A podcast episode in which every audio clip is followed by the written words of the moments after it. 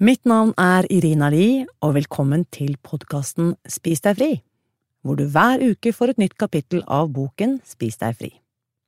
Hvis du vil høre hele boken med en gang, finner du den overalt hvor lydbøker selges, eller på nettsiden spisdegfri.no.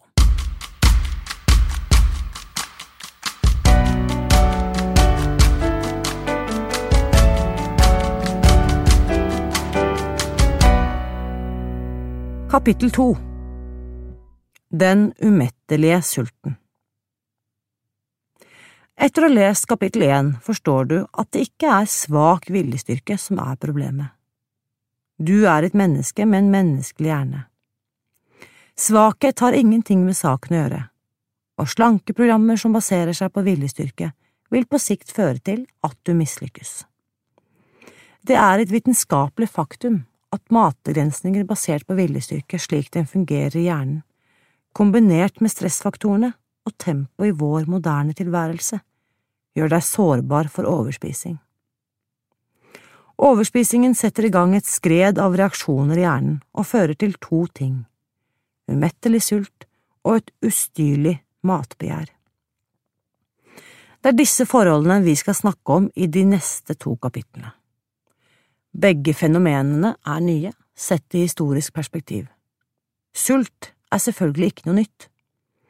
Sultfølelse er en grunnleggende drift som vi mennesker er utstyrt med for å overleve. Det som er nytt, er at mat er tilgjengelig overalt, og at maten i stor grad er industrielt behandlet. Det viser seg å ha noen interessante og ganske alvorlige konsekvenser. Vår naturlige motivasjon for å spise blir forvrengt til en besettelse som kan komme helt ut av kontroll. Gjennom det meste av menneskehetens historie har mat vært en knapphetsressurs. Vi måtte spise det vi kunne, når vi kunne, når noe var modent, eller når vi hadde løpt fort nok til å få tak i noe spiselig. Vi ble skapt til å bevege oss gjennom lengre perioder uten mat, fordi vi ofte var nødt til det. Kroppen vår tilpasser seg raskt matmangel ved å senke basalstoffskiftet og sette ned aktivitetsnivået for å kunne klare seg med mindre. Ved totalt fravær av mat kjører kroppen på glukoselageret i inntil tre dager, og deretter begynner leveren å bryte ned kroppsfett og muskelvev for at vi skal kunne holde det gående. Etter noen ukers mangel på næring begynner indre organer å brytes ned og omdannes til energi. Selv under normal vektreduksjon vil forsøk på å forbrenne ekstra kalorier gjennom fysisk trening medføre redusert basal- eller hvilestoffskifte. Kort sagt, kroppen er flink til å tilpasse seg og overleve inntil mat er tilgjengelig igjen. Det kroppen er dårlig til, viser det seg, er å tilpasse seg et allesteds nærværende tilbud på kalorier. Og ikke bare kalorier generelt, men kalorier i industrielt bearbeidet og raffinert form. Ikke på noe punkt i evolusjonshistorien har menneskearten måttet forholde seg til slik føde. Men det er nettopp det våre moderne matprodukter og spisevaner fører til. En stadig tilstedeværende overflod av bearbeidede og raffinerte kalorier. Overvektstatistikkene vi ser nå, er en visuell bekreftelse på det kollektive sjokket som kroppene våre blir utsatt for på grunn av alt det som pøses inn i dem. Hva har det ført til? Det har brutt ned hjernefunksjonene våre. Umettelig sult Hva mener jeg med umettelig sult? Evolusjonært sett er det en ny form for sult. Det handler ikke om å gi meg energi til å starte dagen. Det handler om at jeg har nettopp spist middag og en hel porsjon pommes frites, og nå er jeg på vei til fryseren for å ta frem iskremen. Umettelig sult. Når jeg tenker tilbake, husker jeg at jeg etter et stort måltid ofte måtte ha dessert eller gikk tilbake til kjøkkenet for å forsyne meg en tredje eller fjerde gang, selv om jeg kjente etter om kroppen fortsatt var sulten, og fikk et klart nei til svar. Hjernen min koblet raskt ut den tanken, som var irrelevant, kanskje til og med truende. Jeg måtte ha mer mat. Umettelig sult hadde tatt styringen, og ingenting kunne stoppe den. Forskning har klarlagt at denne trangen, som jeg husker så tydelig, skiller seg fra normal sult på to viktige områder. For det første er den kombinert med et sterkt behov for stillesitting. Tenk på våre moderne vaner. Vi spiser mens vi sitter foran TV-en, spiser mens vi leser en bok, spiser mens vi sjekker e-post eller surfer på nettet, spiser under sportsbegivenheter, spiser på kino, spiser i bilen. Og alt det der handler ikke engang om måltider. Det er snakk om mellommåltidssnacks, som vi har godkjent og velsignet. Tilværelsen arter seg som en buffé en eneste lang buffé av mattilbud, kombinert med stillesitting. Jeg gjør et poeng av akkurat dette fenomenet, for vi skal senere møte noen mus som er vårt motstykke i gnagerverdenen.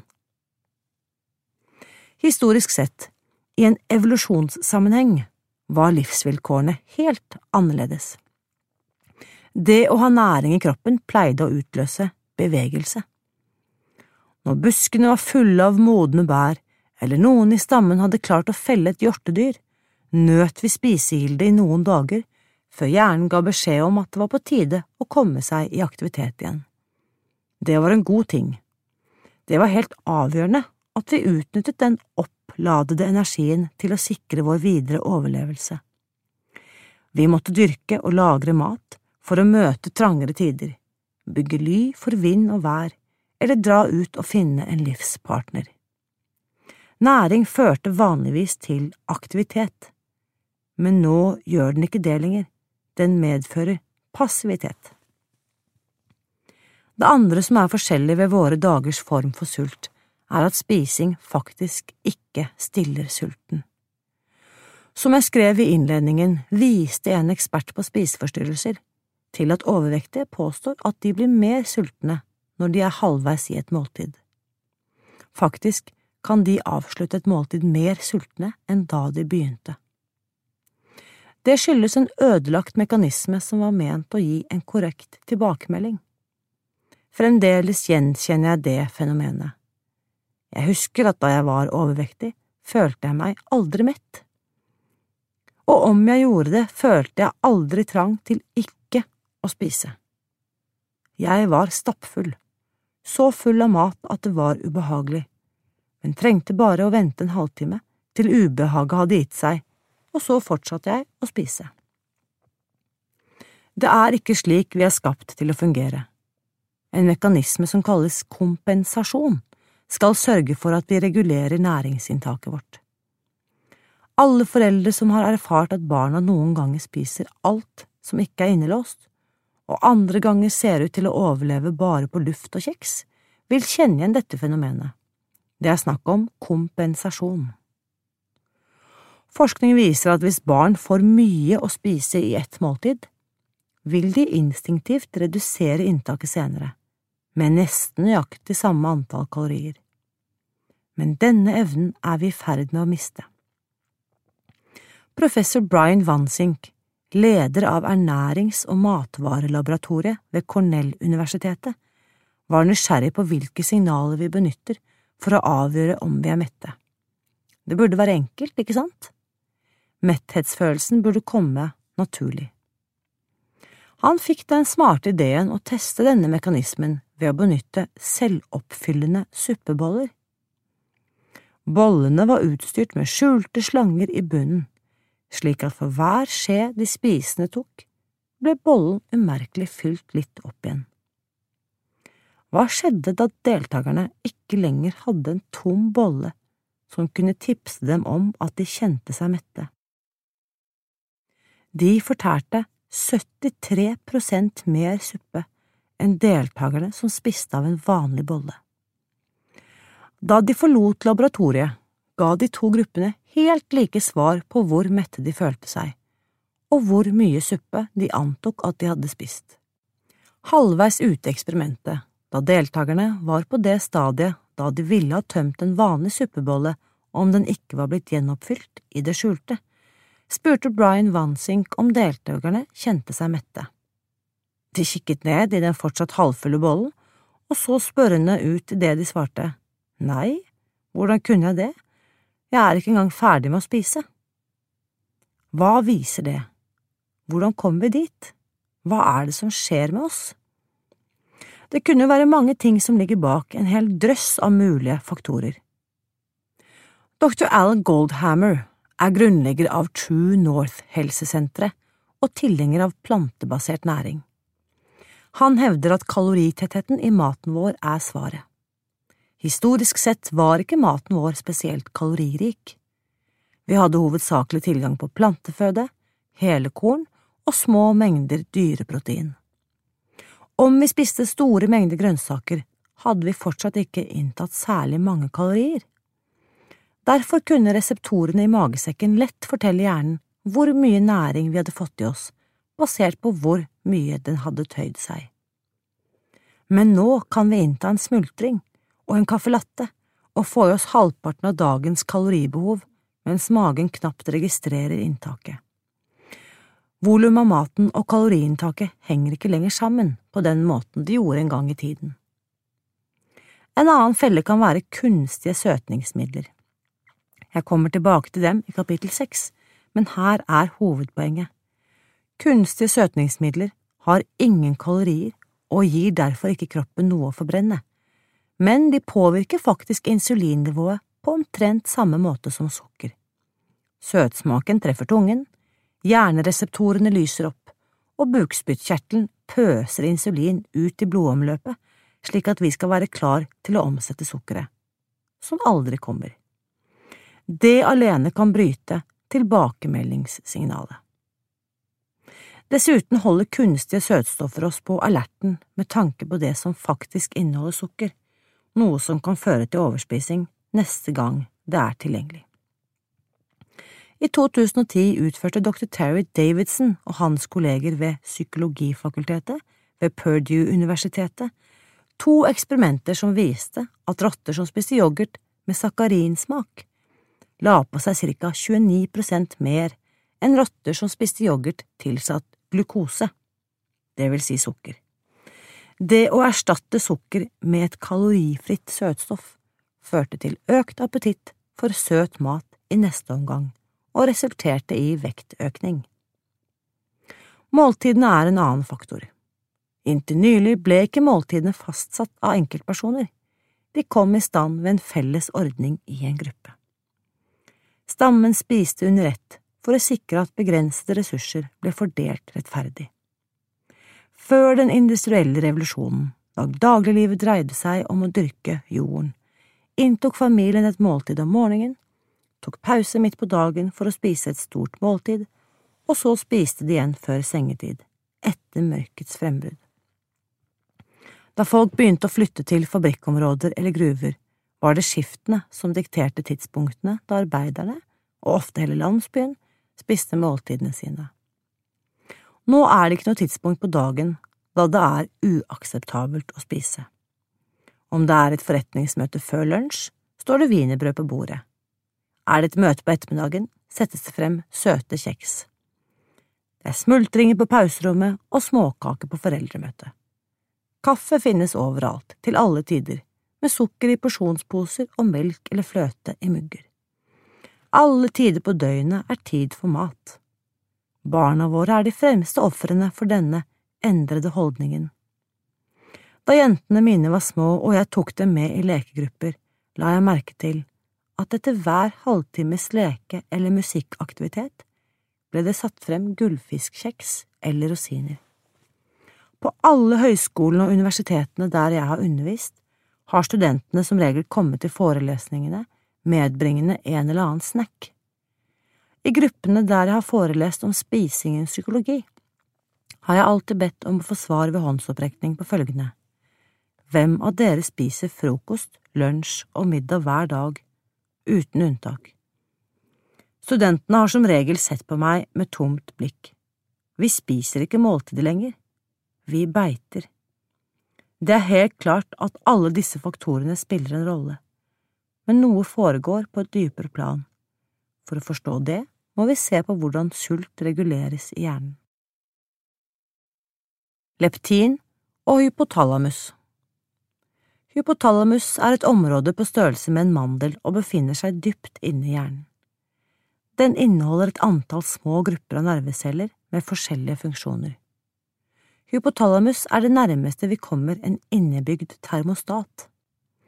Ved å skille ut hormoner som i sin tur stimulerer hypofysen, kontrollerer den både sult og kroppstemperatur, foreldretilknytning, sexlyst, tørste, tretthet, søvn og døgnrytmer. Det er et viktig kommandosenter der mange vitale funksjoner holdes i balanse.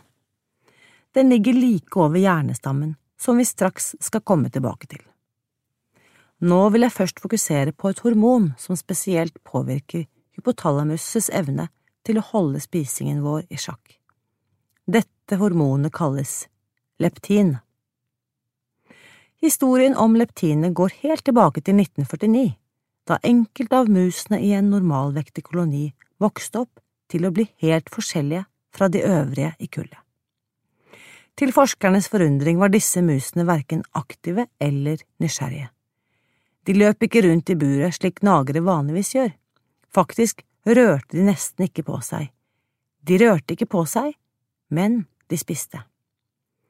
De bare satt ved matfatet og spiste hele dagen, og selv om alt de fikk å spise var kjedelige pellets, virket det som om de ikke kunne få nok. Det tok ikke lang tid før de vokste seg skikkelig fete. De var så opptatt av å spise at den eneste måten å få den til å bevege seg på, var å flytte på matfatet. Da vagget de langsomt bort til det nye matstedet, la seg rett ned og fortsatte å spise. Forskerne skjønte at noe grunnleggende viktig hadde tatt en feil vending hos disse musene, men klarte ikke å finne ut hva det var. De fortsatte å avle frem flere kull av de samme musene for om mulig å finne svaret på feilfunksjonen. Først i 1994, etter å ha arbeidet med de overvektige musene i åtte år, oppdaget Jeffrey M. Friedman i laboratoriet for molekylær genetikk ved Rockefeller-universitetet hva det var som feilte musene. Helt tilbake i 1949 hadde disse musene ved en spontan mutasjon blitt frarøvet et spesifikt resessivt musegen som kalles OB-genet. Friedman og kollegene hans fulgte de genetiske sporene og oppdaget hvilken rolle OB-genet har. Det danner et spesifikt hormon som har som oppgave å sende et signal til hjernen om at musen må slutte å spise og begynne å bevege seg. Friedman-gruppen kalte det nyoppdagede hormonet leptin, av det greske ordet leptos, som betyr tynn. Var disse musene moralsk sett dårlig stilt? Manglet de intelligens? Var de late? Trengte de en informasjonskampanje som kunne lære dem å spise moderate mengder mat og sette i gang med daglig mosjon? Nei, de trengte bare noe leptin. Det viser seg at uten leptin tror hjernen at den konstant befinner seg på sultepunktet. Den vil aldri være trygg på at det går an å slutte å spise og begynne å bevege seg. Det er leptinet som gir beskjeden. Ok, næringsopptaket er fullført. Sett i gang med å bygge bolig, dyrke jorden og formere dere. Ganske riktig. Da musene hadde fått noen injeksjoner med leptin, mistet de interessen for mat. De begynte helt av seg selv å klatre i hamsterhjulet og ble snart tynne igjen. Bingo! Selvsagt satset den farmasøytiske industrien straks millioner på å forsøke å utvikle og ta patent på leptinpiller. Én liten pille, og alle vi mennesker vil bli i stand til å trekke oss tilbake fra matfatene og hoppe på tredemøllene, tenkte de. Dessverre ville ikke skjebnen, eller snarere vår biologi, at leptin i pilleform skulle hjelpe overvektige å gå ned i vekt. Det gjør heller ikke leptininjeksjoner. Hvorfor ikke? Vi har faktisk ikke det samme problemet som de nevnte musene hadde. De manglet totalt det genet som danner leptin, og hadde derfor ikke leptin i kroppen i det hele tatt. Vi har det. Faktisk viser det seg at overvektige har mer leptin i blodet enn tynne mennesker. Nettopp det siste er lett å forstå, for leptin produseres i fettcellene.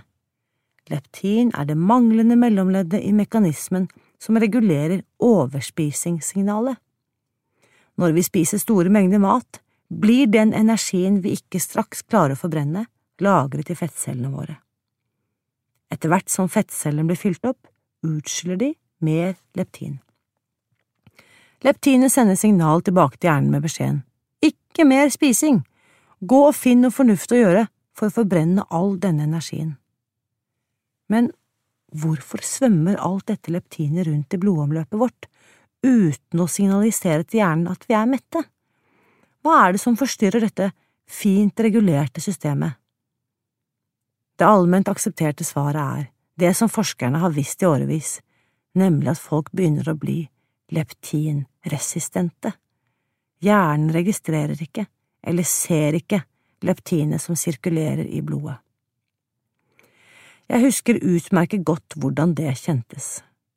Hvordan det var å sitte i sofaen kveld etter kveld og spise, uten å ha glede av det, ofte uten å kjenne smaken av maten engang, og sjelden eller aldri føle seg mett eller tilfreds, bare kjenne på trøst, nummenhet og frustrasjon i omtrent like store mengder. Så kan vi spørre hva som er den underliggende årsaken til leptinresistens. Akkurat det, kjære venner, var det store spørsmålet i overvektforskningen. Kunne du finne ut av puslespillet leptinresistens, ville du ha knekt koden for overvektpandemien. For ikke lenge siden skjedde det. En gruppe under ledelse av dr. Robert Lustig ved Det medisinske fakultetet på California-universitetet i San Francisco oppdaget hva som forårsaker den utbredte epidemien vi kaller leptinresistens. Årsaken, kjære venner, er insulin. Insulin er det som blokkerer leptin i hjernen. Insulin I våre dager vet de fleste av oss en del om insulin. Vi vet at det har sammenheng med diabetes og med sukkernivåer. Det er en bra start. Forholdet er Kroppen vår trenger blodsukker som energi på cellenivå. Men blodsukkeret kan ikke gå direkte inn i de fleste cellene. Når du har spist, og blodsukkernivået har økt, sender hypotalamus signal til bukspyttkjertel om å utløse insulin i blodomløpet. Insulinet fester seg til cellene og gir beskjed om at de skal åpne seg og absorbere blodsukkeret, noe som er grunnen til at det ofte kalles nøkkelhormonet. Insulinet kan fortelle kroppen at den skal bruke sukkeret som energi straks, eller lagre det til senere bruk. Slik holdes blodsukkernivået fra å bli for høyt, kalt hyperglykemi, eller for lavt, kalt hypoglykemi. Alle som har hørt om økningen av diabetes type 2 i utviklede land, vet at måten det globale kostholdet har endret seg på, har hevet insulinnivåene langt over det stadiet der kroppen var ment å være i hvile. Forskning på overvektige barn har vist at mellom barneskolen og videregående skole går basisnivået av insulin opp 45% Da snakker vi om gjennomsnittsnivåer, ikke det forhøyede nivået som følger av en snack fra en myntautomat. Endringene i det globale kostholdet innebærer at basisnivået av insulin rett og slett er for høyt, praktisk talt hos oss alle. Forskerne visste at overvekt hadde sammenheng med insulin, men inntil gruppen ved San Francisco-universitetet oppdaget sammenhengen mellom insulin og leptin, forsto vi ikke helt klart hva det forhøyede insulinnivået resulterte i, og hva som var så skadelig. Men nå vet vi det. Det blokkerer leptin, omtrent på det mest uheldige stedet sett fra et nevrologisk ståsted. Hjernestammen Tidligere tenkte vi at leptin ble blokkert i hypotalamus, og det er riktig, men nå vet vi at leptin også blir blokkert et annet sted, nemlig i hjernestammen. Hjernestammen kalles ofte for reptilhjernen. Den sitter nederst i hjernen og er strukturelt forbundet med ryggmargen. Hvorfor har det betydning at leptin blir blokkert ved hjernestammen? Fordi det ikke er en av de delene av hjernen som hjelper oss å resonnere, vurdere eller sette i verk nye mulige tiltak. Hjernestammen regulerer de funksjonene som vi ikke kan kontrollere. Grunnleggende forhold som pusten, svelging, blodtrykket, hjerterytmen, om vi er våkne eller søvnige. Kort og godt er det ikke mulig å overstyre hjernestammen. Vi kan selvsagt prøve, og det kan hende du lykkes, i omtrent ett sekund. Hvis du går veldig raskt opp ti etasjers trapper, kan du for eksempel bestemme deg for at du bare skal puste langsomt gjennom nesen underveis. Det går an å starte på den måten, men på ett punkt vil hjernestammen ta over og forlange det oksygenet den trenger. Enten du liker det eller ikke, må du begynne å puste dypere. Det er ikke din sak å avgjøre. Når det gjelder å holde oss i live, er det hjernestammen som styrer. Og det er nettopp her leptinet blir blokkert. Den mest grunnleggende delen av hjernen vår får ikke den hormonbeskjeden at vi er mette at vi har tatt til oss en tilstrekkelig mengde mat. Hos dem av oss som har leptinresistens, er den helt overbevist om at vi er på sultegrensen. Så vi sitter i sofaen og blir fortalt at vi bør spise, og spise, og spise. Og hva spiser vi? Hva er det vi strekker oss etter når vi ser verdens befolkning under ett? Akkurat de matsortene som i utgangspunktet sørger for at insulinnivåene holder seg høye. Historie fra virkeligheten Berit Løvlid, 61 år fra Sigdal Kunsthåndverker og lærer Tittelen på denne boken, Spis deg fri, passer godt til det jeg nå opplever.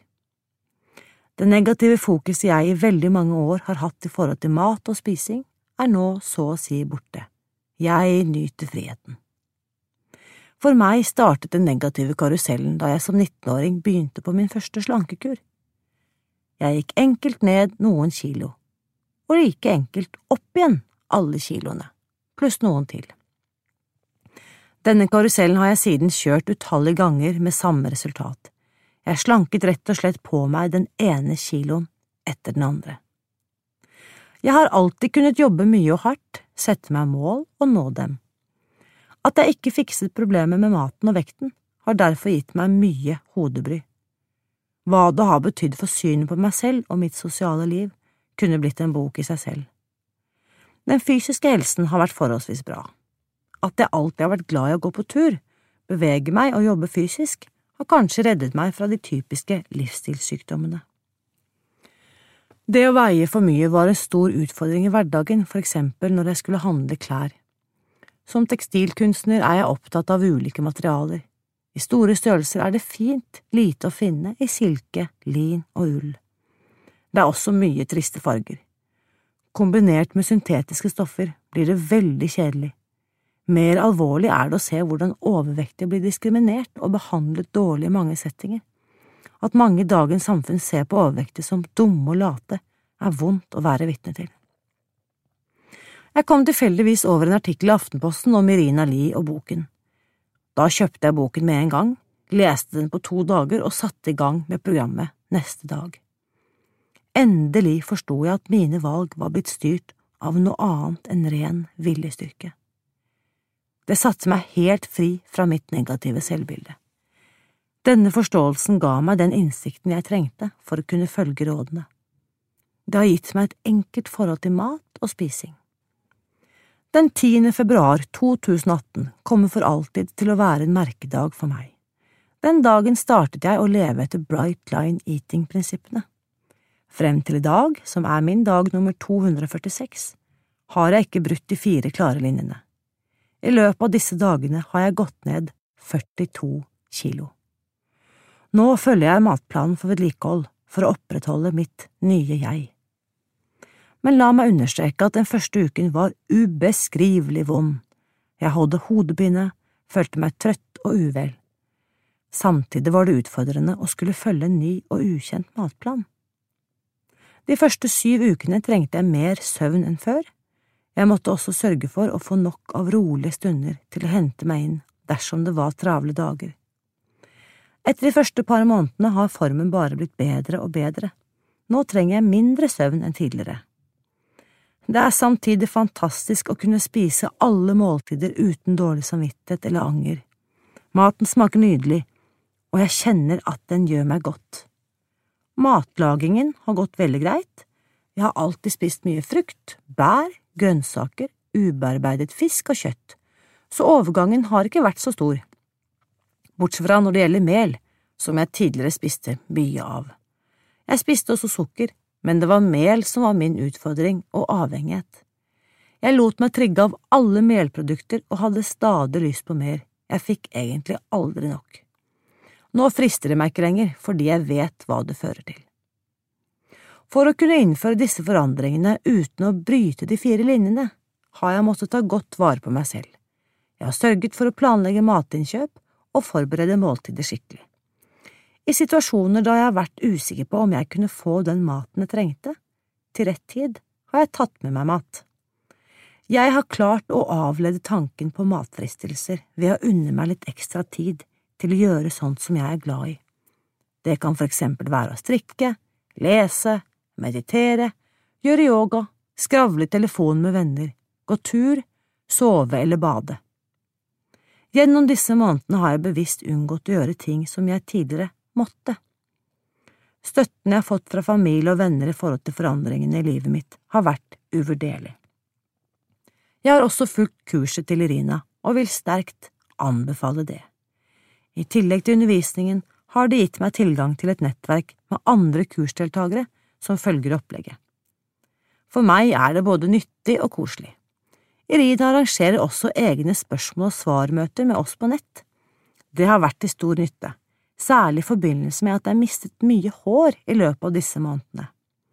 Hadde jeg ikke fått vite at hårtap er veldig vanlig i forbindelse med rask vektnedgang, og at håret kommer tilbake etter noen måneder, hadde nok dette problemet ført til store bekymringer og søvnløse netter. Ettersom månedene har gått, har jeg fått behov for å rydde opp i andre ting. Esken med usorterte bilder, som har gitt meg dårlig samvittighet i mange år, er sortert og plassert i album til barn og barnebarn. Jeg gjør ting i stedet for å tenke hundre ganger at det burde jeg ha gjort. Nå kjenner jeg på nytt pågangsmot og større overskudd. Det henger sammen med roen jeg kjenner rundt maten, og at opplegget ikke krever noe særlig tankevirksomhet lenger. Alt jeg merker av fysiske forandringer, gir meg større lyst til å få ting gjort. I mange år har jeg vært litt stiv, særlig ankler og bein, etter å ha sittet stille en stund har jeg måttet gå meg til. Også etter lengre gåturer kunne jeg bli stiv. Her opplever jeg en enorm forandring. Stivheten er helt borte. Det går også lengre tid mellom migreneanfallene. Når de en sjelden gang kommer, er de lettere. Tidligere hadde jeg fet hud i ansiktet og tørr hud på beina. Nå er huden helt fin. På syv måneder har jeg altså kvittet meg med 42 kilo. Det merkes godt når jeg beveger meg, og ikke minst når det gjelder klær. Alle disse fysiske forandringene har gjort meg godt, den mentale roen er samtidig blitt fantastisk. Jeg trodde det var kiloene som voldte meg mest problemer. I ettertid ser jeg at det er tankesurret rundt hvorfor jeg ikke klarte å holde vekten stabil, som har forstyrret meg mest. Mitt håp er at forskningen, som er så godt forklart i denne boken, sprer seg raskt. Denne informasjonen må bli allment kjent, både hos avhengige og ikke-avhengige. Det å endelig forstå hvorfor jeg ikke har klart å holde vekten stabil, har vært en fantastisk oppdagelse. Nå ser jeg frem til rolige og lette år med fargerike klær i naturmaterialer. Forhåpentligvis vil jeg også få mulighet til å støtte andre som sliter med det som jeg slet med så lenge. For informasjon om norske nettkurs, sjekk nettsiden www.spisdegfri.no – kurs. Har du noen spørsmål etter dagens episode? Da vil jeg invitere deg til å bli med på min faste livesending på Facebook-siden Spis deg fri, onsdag klokken ett, hvor du kan få svar på direkten. Helt til slutt, mitt motto er at gode nyheter er skapt for å deles. Du kan bidra ved å abonnere på denne podkasten og dele den med dine venner. Neste episode kommer neste søndag.